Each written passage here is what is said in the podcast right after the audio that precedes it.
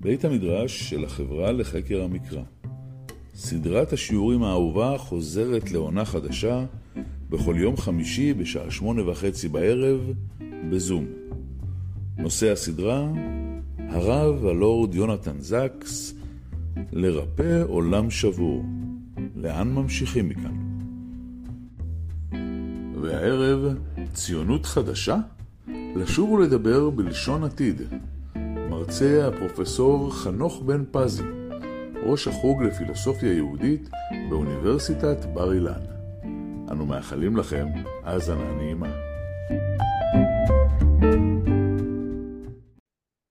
ברשותכם, בתוך הימים הקשים שעוברים עלינו, אני מבקש להקדיש את השיעור לרפואתו של החייל יונתן חיים בן מרים תמר ונחמיה חמי ארמוני, שנפצע בעזה, אמ, מאושפז כרגע בסורוקה, בן של אה, חברים טובים, ואני מאחל לו רפואה והחלמה ביחד עם כל פצועי, פצועי ישראל, החולים, אמ, בכלל, בתוך כל האבל הגדול שאוסף את כולנו לנשמותיהם של ההרוגים והנרצחים, שלא האמנו שנשתמש במילים האלה שלקוחות מהתפילה בימים, בימים שלנו, בימינו.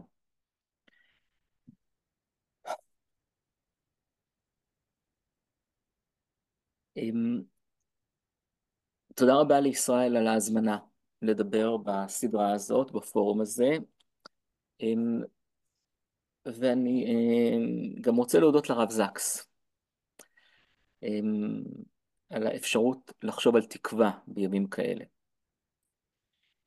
והמקום שממנו אני רוצה להתחיל הוא מהמקום, אמ, מקום מאוד יקר לי מסיבות אחרות, אין תקווה. האמת היא שהימים הללו הם ימים של אין תקווה. אבל כשאני אומר אין תקווה, זה לא מתוך ייאוש, אלא מתוך איזושהי הבנה עמוקה שתקווה היא לא מתנה שניתנת, תקווה היא דבר שצריך לעבוד למענו. תקווה היא דבר שצריך ליצור למענו. זה אולי אחד מהעקרונות החשובים ביותר שהפילוסופית מרגרטה זוסמן לימדה אותנו בדברים המופלאים שהיא כותבת ב-47 אחרי השואה בספר שלה על ספר איוב, שיש זמנים שהאירועים כל כך קשים וכל כך כבדים, שקש... שאי אפשר להתפלל ואי אפשר לקוות, ובאותו זמן, באותם זמנים, מוטל עלינו לכתוב את התפילה מחדש, מותר עלינו ליצור את התקווה, ואני מרגיש שהימים הללו שמאז השבעה באוקטובר הם ימים שיש לנו מטלה מאוד מאוד כבדה, שקשה לשאת אותה וקל לברוח ממנה. וכשאני אומר את המילה תקווה כרגע, אני לא מתכוון לאנשים אופטימיים או אנשים פסימיים. הניסיון מלמד שבין הפסימיים והאופטימיים, הפסימיים צודקים. אבל תקווה היא דבר שגם פסימיים יכולים ליצור, וזאת המטלה הגדולה שלנו. אמ, והשיעור כולו מכוון באמת לדבר בשפה הזאת בהקשרים הללו. הוא, אמ, לא יכולתי לבחור זמן יותר טוב בפרשות השבוע מאשר המעבר בין פרשת ויחי לפרשת שמות, שבתוכה אנחנו נמצאים אה, בשבוע המופלא הזה, שבאמת יש בה כל כך הרבה אמ, דילמות של ייאוש ושל תקווה ושל בשורה, ש... שאיתה אני באמת מאוד מאוד רוצה להתחיל. אמ, והרשו לי גם קצת לקרוא בתוך כדי השיעור הזה בדברים ש... אה, דברים מתוך הרב זקס שבאמת אה, הם, הם מאוד חשובים. פרשת ויחי, בשביל הרב זקס, אחת מהם אה, נוגעת ב... באין, ב... בהסתרת הקץ. ביקש יעקב לגלות את הקץ והסתתר ממנו. הדבר הזה שאי חיזוי העתיד, שהמתנה שיעקב קיבל או העניק לנו לפני מותו, אי חיזוי העתיד, לא היכולת לחזות את העתיד, אלא היכולת שלא לחזות את העתיד, זו מתנה מאוד מאוד גדולה. אגב, הכותרת הראשונה שהוא נותן לפרשה הראשונה שלו על שמות זה יושבים על המשבר. ממש מתאים לאירועים שבתוכם אנחנו נמצאים. וכך הוא כותב בסוף פרשת ויחי. אל תאמינו שהעתיד כבר כתוב. אין גורל שאינו יכול להשתנות. אין חיזוי שאיננו יכולים להפר. לא נידונו להיכשל. גם לא נולדנו להיות הצלחה. איננו חוזים את העתיד, מפני שאנחנו עושים את העתיד. בבחירות שלנו, בכוח הרצון שלנו, בהתמדותנו, בנחישותנו להמשיך הלאה. זה אולי באמת אחד הדברים המאוד מעניינים, והרב זקס שם משתמש באחד הדברים שהוא חוזר אליו הרבה מאוד פעמים, זה לאזכור הראשון של עם ישראל ב, ב, בהיסטוריה האנושית, מחוץ למקרא, אמ, יש לנו אזכור אחד שחקוק על הסטלה של מר נפח, שכתוב שם את כתובת הניצחון, ושם מופיעות המילים המופלאות, ישראל ושם אין זרע לו. הפעם הראשונה שישראל מוזכר בהיסטוריוגרפיה העולמית, זה עם הכותרת אין זרע לו. נגמר ישראל, וחתמנו את חותמת הפרידה, ישראל הוא שם. אמ, אגב, היא מתוארכת ל-1225 לפני הספירה. די מזמן. אמ, ברוך השם, לא יודע מה השנה בדיוק, לא בעברי ולא בלועזי, אבל כבר עברו איזה אלפיים, שלושת אלפים שנה מאז, בשביל לומר, היי, אנחנו עדיין פה. אנחנו, ישראל עדיין פה, אז ישראל לא הוא שם. אבל הדבר המאוד חשוב, תקשיבו לתיאור הרב זקסי הזה, הזקסי הזה שנמצא פה, שמה שתמיד נתפס במדרש כאיזה מין כישלון, ביקש יעקב לגלות את הקץ ונסתתר ממנו, הוא הצלחה אדירה, כי הוא נתן לנו מתנה. הוא אמר לנו, העתיד לא ניתן לך, אי אפשר לחזות את העתיד. אי אפשר לדעת מה יהיה בעתיד. אבל זה לא מפני שאין עתיד, אלא מפני שהעתיד הזה תלוי בנו. ואני בכוונה לוקח את זה מפני שבדיוק ברגע הזה אני מחזיק ביד גם את, ה, את ההתחלה של הרב זקס לספר שמות, לחומש שמות, לפרשת שמות, ושם ושוב אני רוצה לקרוא מתוך הדברים, הדברים שלו, באמת בכתיבה המאוד מאוד יפה שלו,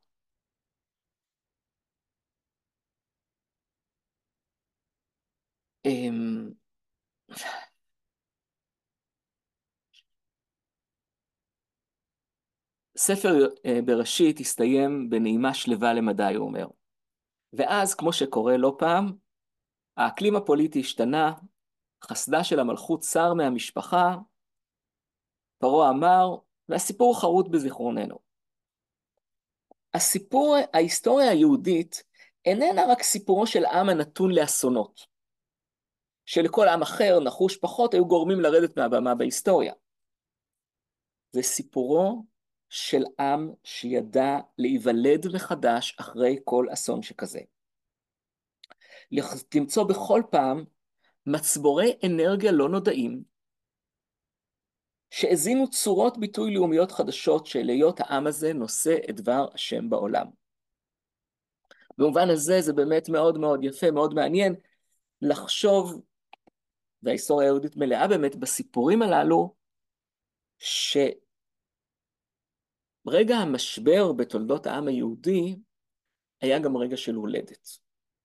כמובן משחק עם המילה שמשבר, משבר לידה, אבל מעבר למשחק מילים שיש פה, יש פה גם איזה מסר ענק, מסר מאוד מאוד חשוב, מסר מקראי, מסר היסטורי, מסר נבואי, שהעם היהודי מספר לעולם בדרכו שאסון הוא לא רק אסון, הוא גם הזדמנות. אסון הוא אפשרות להיוולד מחדש. ואני הקורא את המילים הללו של הרב זקס, בעת הזאת, 90 יום מאז השבעה באוקטובר, אומר לעצמי בפחד, באימה, אמ, אני לא יודע אם אני אופטימי או פסימי, ואני בפחד, באימה, עברנו אסון ענק, אסון מפחיד. אנחנו גם דואגים וחוששים, וה, והפחד נמצא איתנו, פחד שלא ידענו כמותו. והאסון הזה הדילמה מה יקרה איתו, האם הוא תהיה גם הזדמנות של לידה, כאן אומר הרב זקס דבר מדהים. זה לא מובן מאליו. זה לא ניתן כמתנה שיהיה בסדר. תשכחו מזה. זה יהיה בסדר אם נתאמץ ונדע להוליד ממנו תקווה. אם נדע לצאת ממנו למקום אחר. והמילים הללו בשבילי הן מילים דרמטיות. מפני שהאפשרות שה...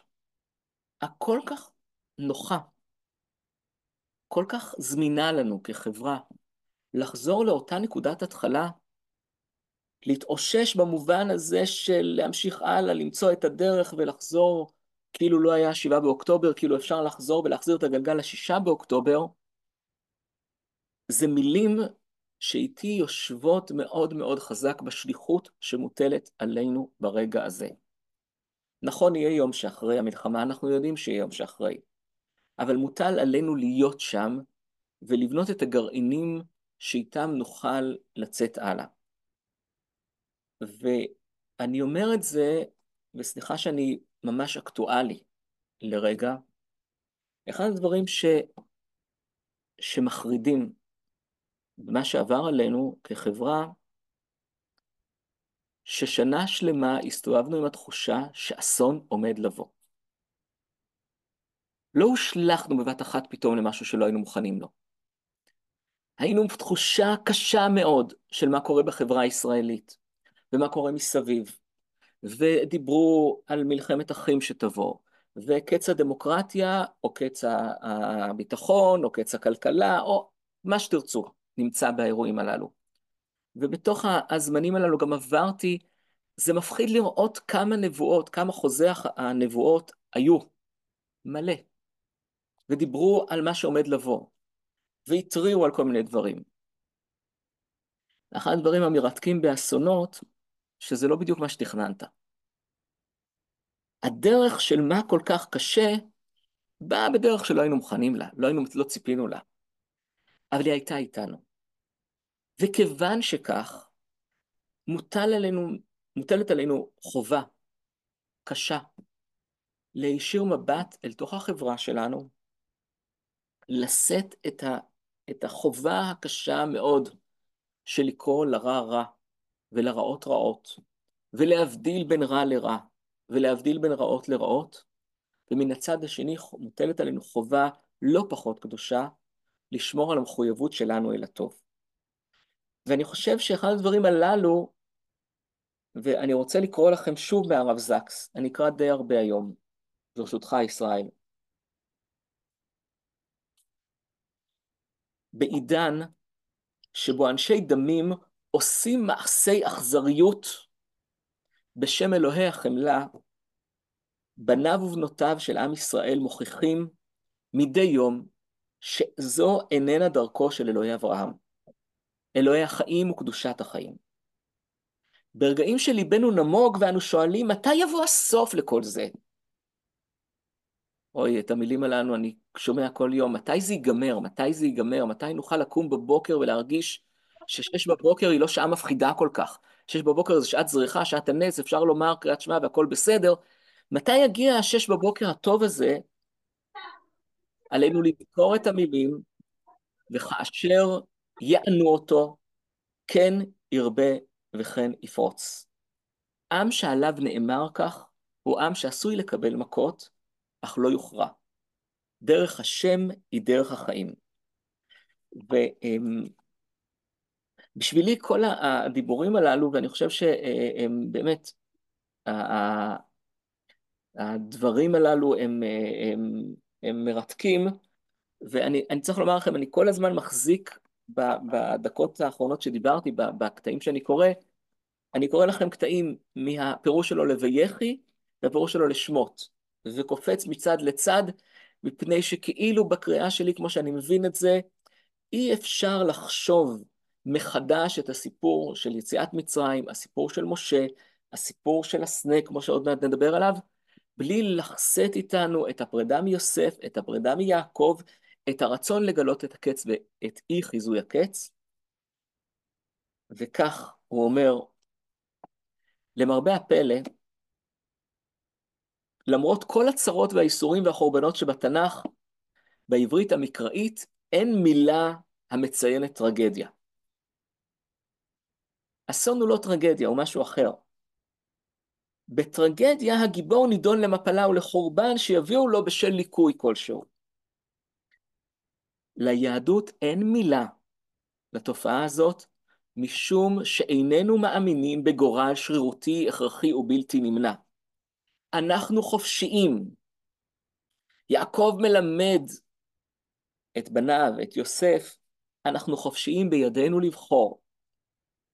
אנחנו חייבים להיות חופשיים, אין לנו ברירה.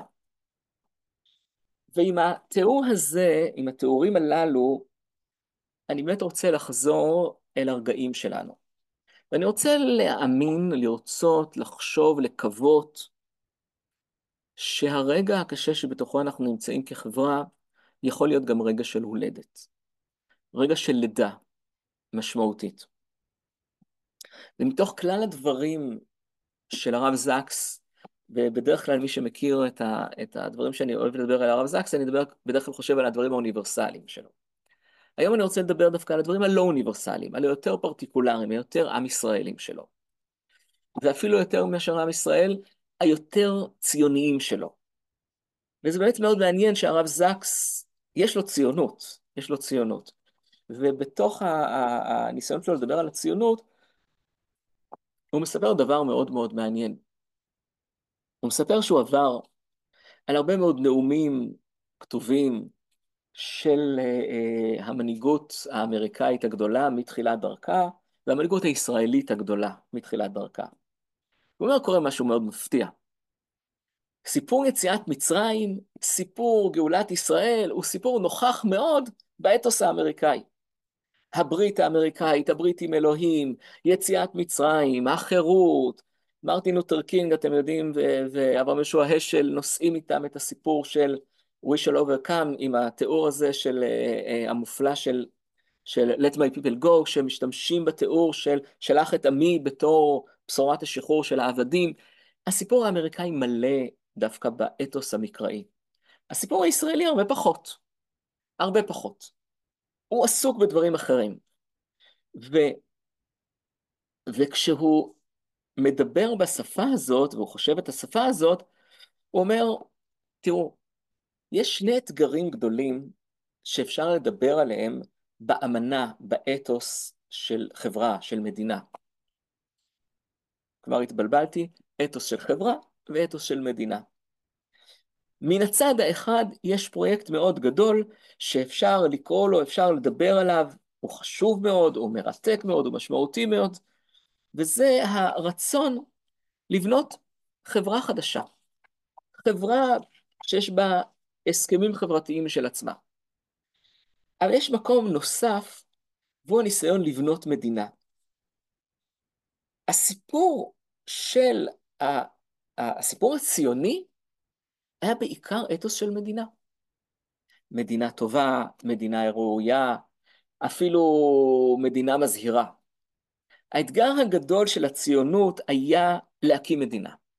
לבנות ישות פוליטית שתהיה מקלט בטוח לעם היהודי, שתאפשר לנו כוח מגן, כל מה שאנחנו מכירים בתור הסיפור היהודי. אבל יש אתוס נוסף, שלשם אני רוצה ללכת, שהוא יהיה הציונות החדשה. הציונות החדשה יהיה אתוס של חברה, אמנה חברתית חדשה. ובתיאור של הרב זקס, באמת זה מאוד מאוד אה, יפה להקשיב למילים הללו,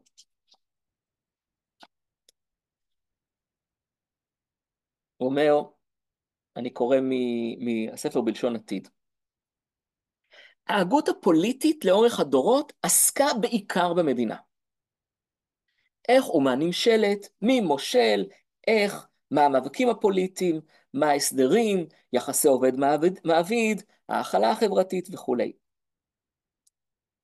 אבל הדברים החשובים של צדק, חמלה, חלוקה, היחס לחסרי הכוח, כל אלה, הוא אומר, מצריכים אמנה חברתית מסוג אחר. ולאמנה החברתית מהסוג האחר הוא קורא ברית.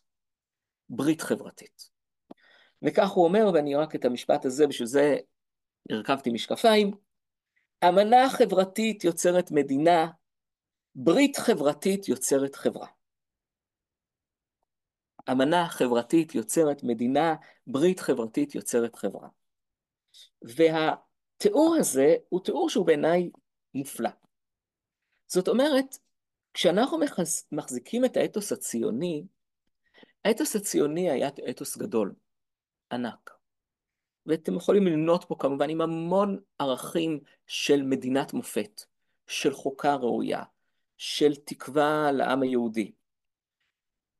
וכשאני קורא מהספר בלשון עתיד, מהפרק ציונות חדשה, אני מסתכל ואני אומר, הרב זקס מוסיף לנו לתוך הדיון, וזה דבר מאוד מאוד משמעותי בשבילי כחוקר לוינס גם, כי הוא מצטט פה את לוינס הרבה מאוד, שהאמנה החברתית היא אמנה שיוצרת מדינה והסכמים.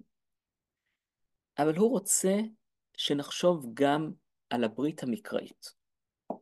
מושג הברית במקרא הוא לא מילה אקוויוולנטית, מתאימה, תרגום נוסף של המילה אמנה חברתית. It's not a social contract. זה משהו אחר. זה סוג מסוים של ברית שאותה אנחנו פורטים בין האנשים לבין עצמם. ואת הדבר המופלא הזה אני ארצה ללמוד מפרשת שמות, מסיפור הסנה, אבל אני ארצה קודם כל להתעכב על, ה, על המילים הללו שבהם הוא משתמש. אמ,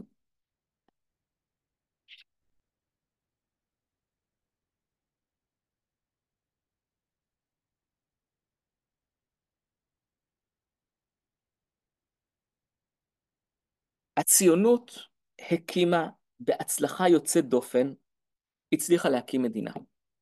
הצליחה להקים כוח מגן. הצליחה להקים ישות פוליטית שתוכל לתפקד ולהגן על עצמה ולפעול ולעשות טוב ולהסתבך בכל הסיבוכים שמדינה מסתבכת בהם.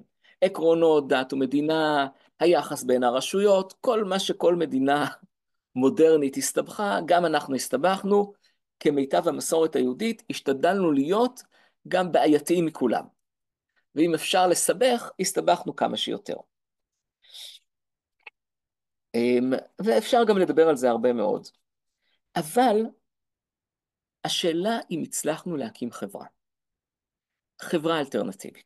חברה שיש בה תקווה. ואני חושב שהדבר שה, המרתק בהקשרים הללו, שהסיפור המקראי נותן לנו מתנה איך זה יקרה. בשביל להקים חברה, אתה צריך שיהיה לך אפשרות של עתיד לא ודאי, לא ברור, לא קבוע מראש, עתיד אפשרי, שהוא זה שמעניק לך את התקווה.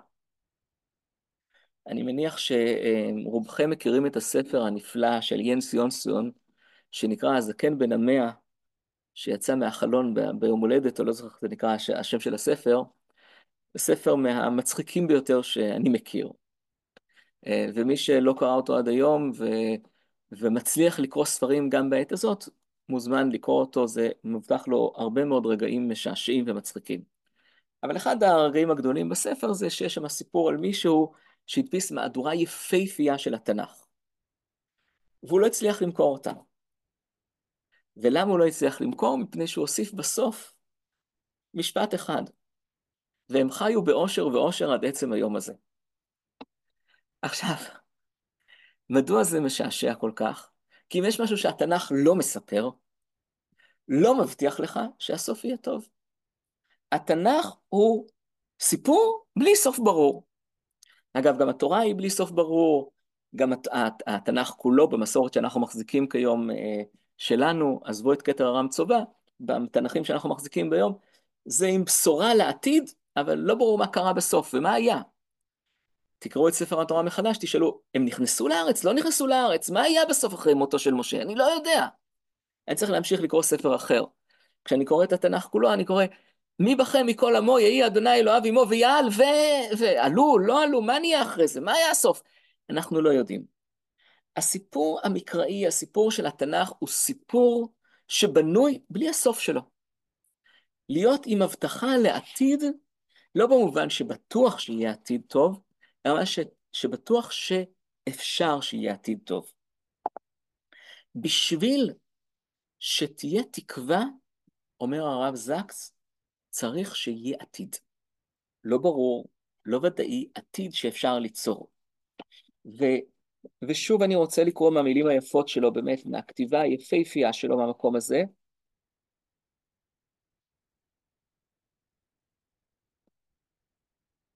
רגע, לפני שאני אקרא מהדברים שלו. יסלח לי ישראל. אחד הדברים המאוד קשים שלימדה אותנו, לימדה, למדנו מהשבעה באוקטובר, הכי קשים שפגשנו, זה את הפער הבלתי נסבל בין המדינה לבין החברה הישראלית.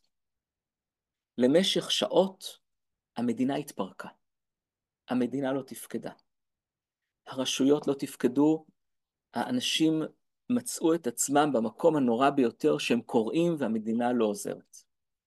אבל באופן מדהים ומפתיע, היו לה רגעים גדולים, מרגשים, מדהימים, של האחווה הישראלית, של החברה הישראלית, של המקום שבו אנשים פרטיים, נשים ואנשים לוקחים את גורלם בידיהם, שומרים, עוזרים זה לזה, מעניקים בית זה לזה, מעניקים בגדים זה לזה, מעניקים מקום אחד לשני, כחברה שאומרת יש בינינו אמנה שהיא יותר חזקה מהפוליטי. היא יותר חזקה מהמשמרים הפוליטיים, היא יותר חזקה מהרשויות שמחזיקות אותנו. עכשיו, זה רגע ענק של החברה הישראלית, רגע מרגש, במונחים שבהם אני מרבה לדבר בזמן האחרון, מונחים של אחווה, שגם היא לא מתנה, אלא דבר שצריך לעבוד בשבילו, אבל בעיני הרב זקס, זהו ערך יהודי. זו ממש הדבר הכי מרתק של הבשורה היהודית, מפני שהיהדות, הוא אומר, עניינה חברה, לא מדינה. היא זקוקה למדינה, היא זקוקה לפוליטיקה שתאפשר את החברה, אבל היהדות מתעניינת לא בשיטה הפוליטית הטובה ביותר, היא מתעניינת בחברה הראויה ביותר. וכך עכשיו אני יכול להרשות לעצמי לקרוא את המילים מעמוד 167, ציונות חדשה. חברות צריכות תקווה. חברות בגרית זקוקות להשראה מוסרית נעלה. ישראל נמצאת במאבק ארוך וקשה להשגת שלום. יש סכנה קרובה וממשית שהשתרר בה הייאוש. מטורף, נכון? אנחנו קוראים את זה, וצריך להזכיר לנו, הרב זקס לא חי היום. וזה לא דברי נבואה, זה דברי התבוננות מוסרית, מקראית, של רב מעמיק לקרוא במסורת היהודית, במקורות שלנו, בהלכה היהודית, ומבין את הדבר הגדול הזה, שיש סכנה קרובה וממשית שישתרר ייאוש פה. שום דבר שישראל תעשה לא יבטיח שישרור בשלום. אוי, איום ונורא, אני מתנצל. שום דבר שנעשה לא מבטיח לנו שיהיה פה טוב. אך יש דבר שהיא יכולה לעשות כדי להשיב לעצמה את האנרגיה המוסרית שהניעה את בניין הארץ. היא יכולה לחדש את הברית החברתית. היא יכולה להיות יהדות אזרחית חדשה. הציונות החדשה חייבת להשיב לעם היהודי את הנכס היקר ביותר שהיה לו כשלא הייתה לו מדינה. תחושת האחריות העמוקה כלפי החלשים, העניים, אנשי השוליים החברתיים, האנשים שנזנחו ושקולם לא נשמע. זה האתגר המונח לפתחה של ציונות דתית חדשה, לבנות חברה הראויה להיות בית לשכינה. עכשיו, זה דבר בעיניי מופלא, כי את השליחות הציונית הזאת, אני יכול להקשיב לה. אני יכול לשמוע אותה בעת הזאת באוזן מלאה מתוך מעומק המחשבה, מעומק ההתבוננות של הרב זקס, ולקחת אותה איתי. כי בעת הזאת, אם יש משהו שלמדנו במשבר הגדול, באסון הגדול שבא עלינו, זה את האחריות שמוטלת עלינו כחברה, לכרות את הברית החברתית בינינו מחדש. בשביל זה, אומר הרב זקס, צריך להמציא לשון עתיד. וכאן אה, הרשו לי להודות לעמיתתי, לקולגה שלי, מרים פלדמן קיי, שהסבה את תשומת ליבי להתבוננות של הרב זקס במילים אהיה אשר אהיה. הרב זקס אומר דבר מרתק, כל התרגומים לאנגלית טעו.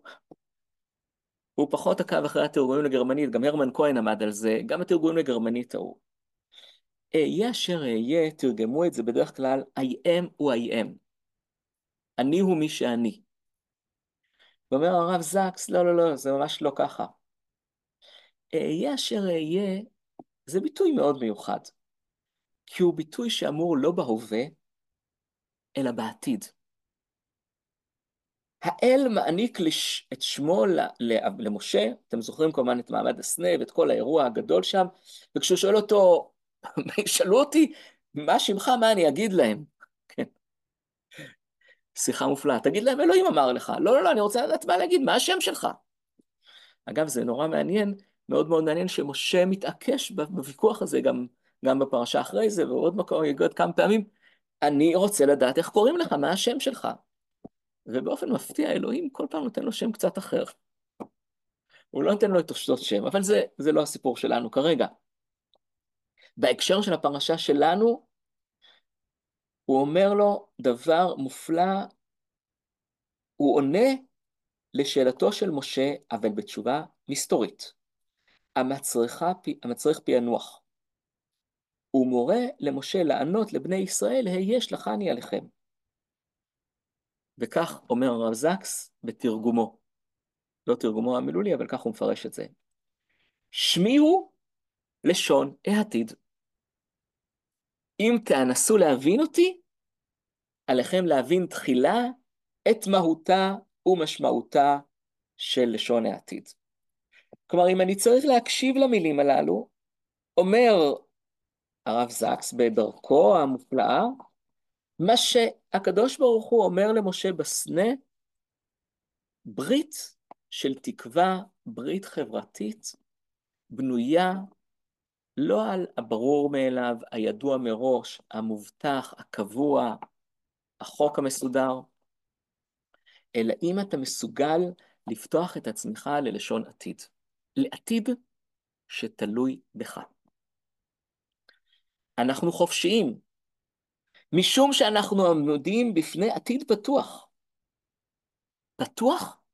כי הוא תלוי בנו. אנחנו יודעים מה ההתחלה של סיפורנו. אנחנו איננו יודעים איך הוא ייגמר. זהו המצב האנושי. זה ההסבר לכך שלסיפור היהודי יש התחלה ואין סוף. זה גם ההסבר מדוע השם בעומדו להוציא את עמו מעבדות לחירות, מגדיר את שמו במונחים של עתיד פתוח, אהיה אשר אהיה. שפת החופש היא לשון העתיד, היהדות היא דת לשון העתיד. וכאן אני רוצה לחזור להתחלה ולתיאור שבו ניסיתי לפתוח את דבריי, ואני רוצה לסגור אותו מהמקום הזה. אמרתי, שתי המילים שבהם רציתי לפתוח היו אין תקווה. ואמרתי מיד אחרי זה, אין תקווה, אין פירושו ייאוש. פירושו של דבר שיש לנו אחריות ליצור את התקווה. ואני חושב שכשאנחנו עושים את המסע הזה עם הרב זקס, גם של הפרשות הללו, וגם את, ולוקחים אותם בשביל להבין את התקופה שבה אנחנו חיים, אני חושב שמה שהרב זקס אומר לנו, בשביל שנוכל ליצור עתיד, בשביל שנוכל שיהיה לנו תקווה, בשביל שנוכל לבנות את הציונות מחדש מהמקום האסון, המשבר שבתוכו אנחנו נמצאים, אנחנו צריכים להתחיל לדבר בלשון של עתיד בטוח.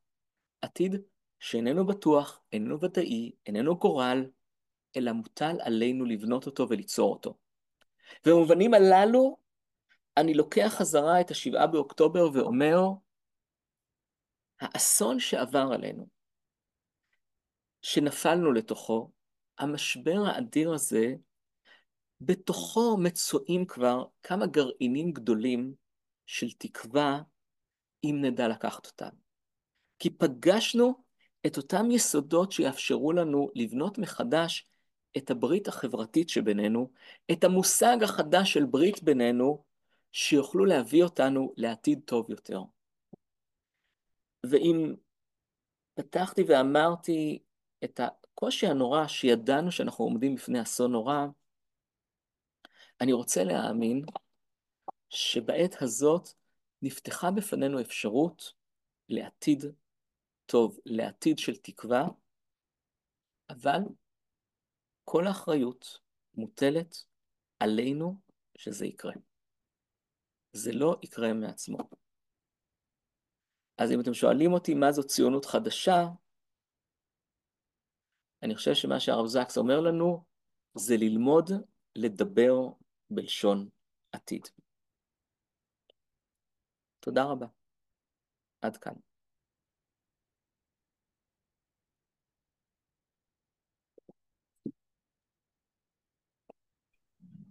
פרופסור פזי, תודה רבה. אני פשוט כל כך נהניתי. וצריך לשמוע את ההרצאה הזאת עוד לפחות פעמיים, שלוש, כדי להפנים אותה. ואני לא ציני.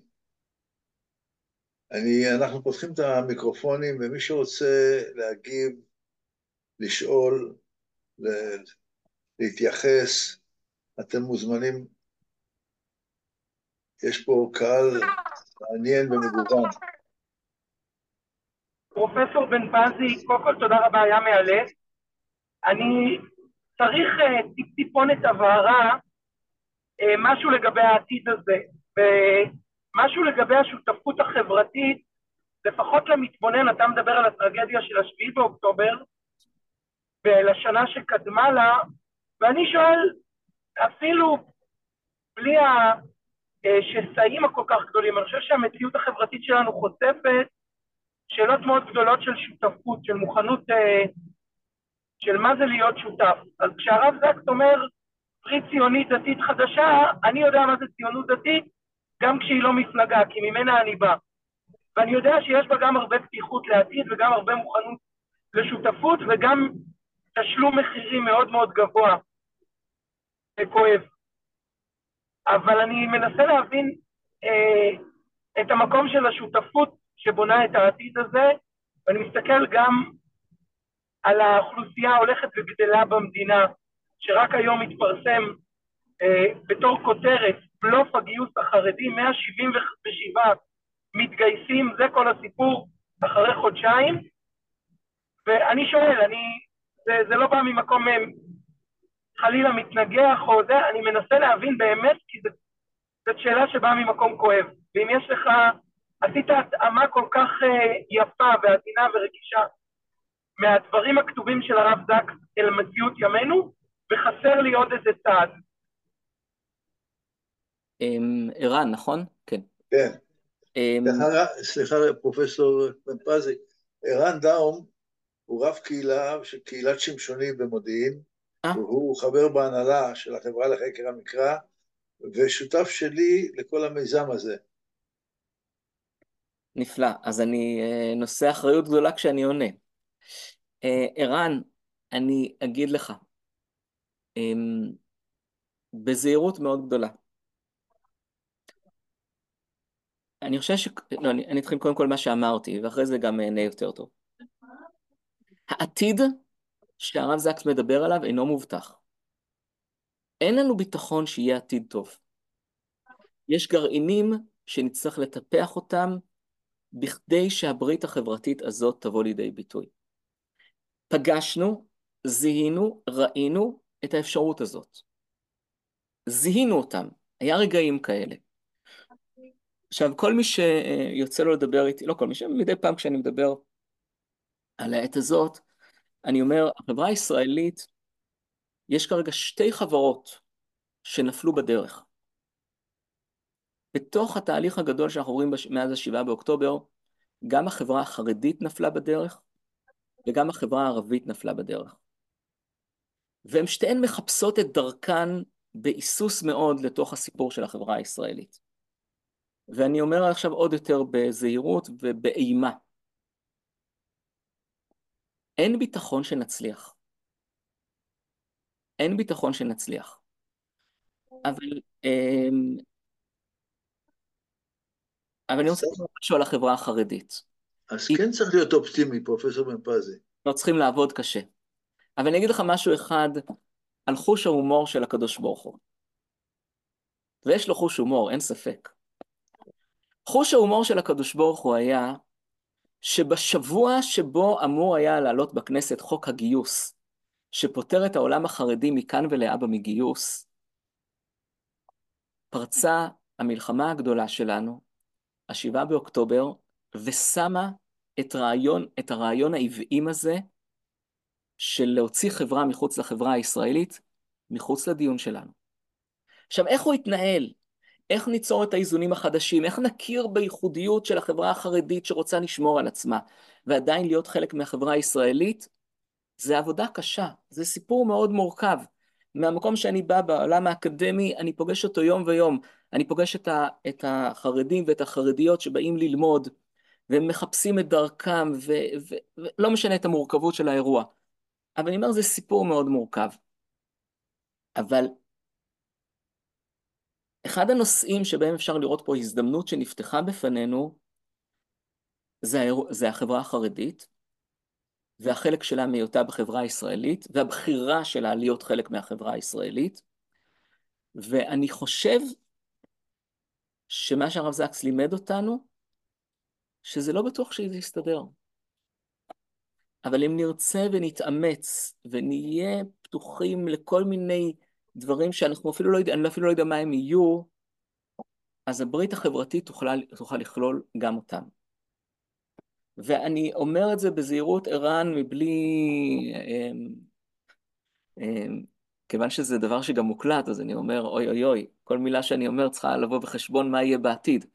אני אומר את זה בעיקר באחריות שמוטלת עלינו, ואני מאוד חושש, מאוד חושש מפני מה יקרה הלאה. אני לא איזה אדם יוצא דופן, אנחנו חלק מחברה שפוחדת מאוד מה יקרה ביום שאחרי. השסעים כבר קופצים החוצה ואנחנו לא יודעים לאן הדברים האלה הולכים. אבל כשאני אומר את זה, את החשש הזה, אני יודע בדיוק באותו רגע שהעתיד הזה תלוי בנו. ואם אנחנו רוצים שתהיה תקווה, נצטרך לעבוד קשה בכדי שהיא תהיה. זה בעיקר אחריות.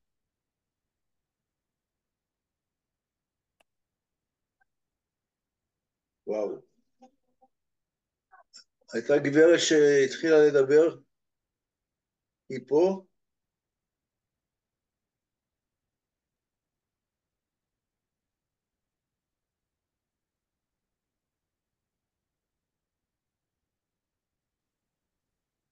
ישראל, אז לפני שאני מחזיר לך לסיום, אז אני אשוב ואגיד אמ, את המובן מאליו בימים הללו.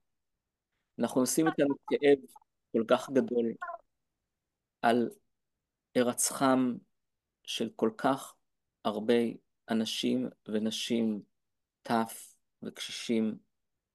המילים של אה, אב הרחמים קיבלו משמעות חדשה שלא ידענו שאפשר לומר אותה בלשון הווה. ואני לא רוצה שנאמר אותה אי פעם בלשון עתיד. אנחנו עושים דאגה אמ, לכל החיילים והחיילות ולאנשים שנמצאים, גם את החרדה שמלווה את כל כך הרבה פליטים שנמצאים בארצנו.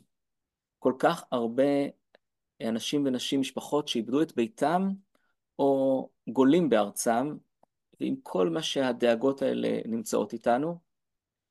וכמו שפתחתי, אני רוצה גם לסיים בתפילה לרפואתם של הפצועים והחיילים, ובאופן מיוחד להחלמתו של יהונתן חיים בן תמר מרים ונחמיה חמי ארמוני.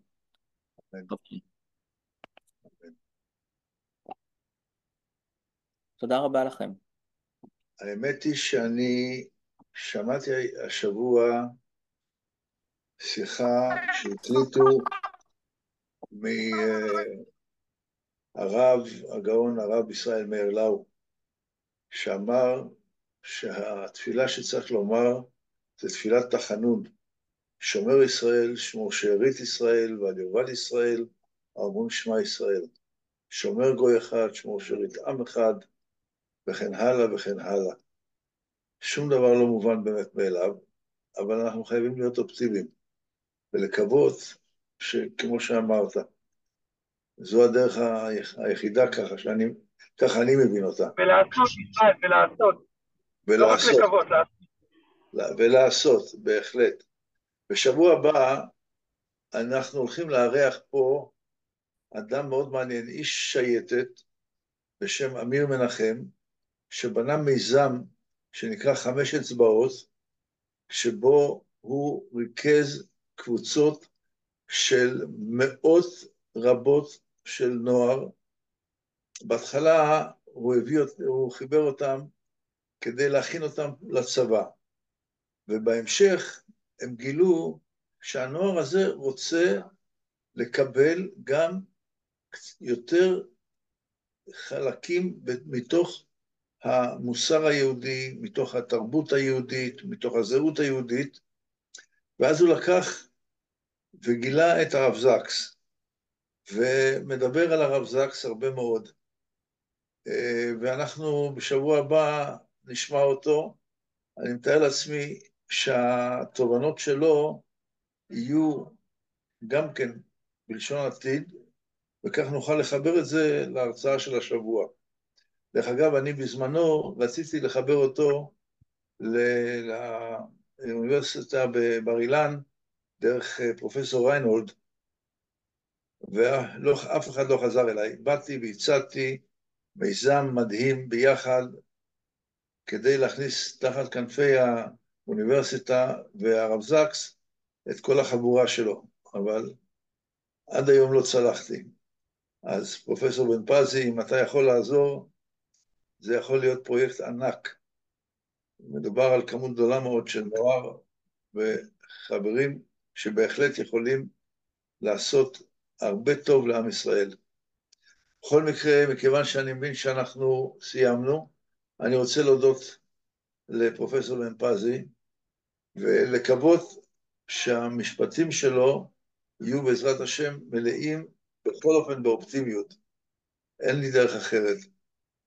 ואני גם מתפלל לרפואת כל הפצועים וכל החולים, ובעזרת השם, עם ישראל לא מפחד מדרך ארוכה, אנחנו ננצח. ערב טוב ותודה רבה לכולם. תודה רבה, חנוך, תודה רבה לך. תודה רבה לכם.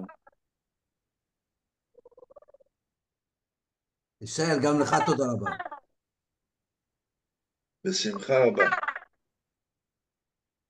זה, ההרצאה תעלה בספוטיפיי כמו בפעמים הקודמות, ואני ממליץ מאוד לקחת את ההרצאות האלה ולהמשיך אותן הלאה, להפיץ אותן. ערב טוב.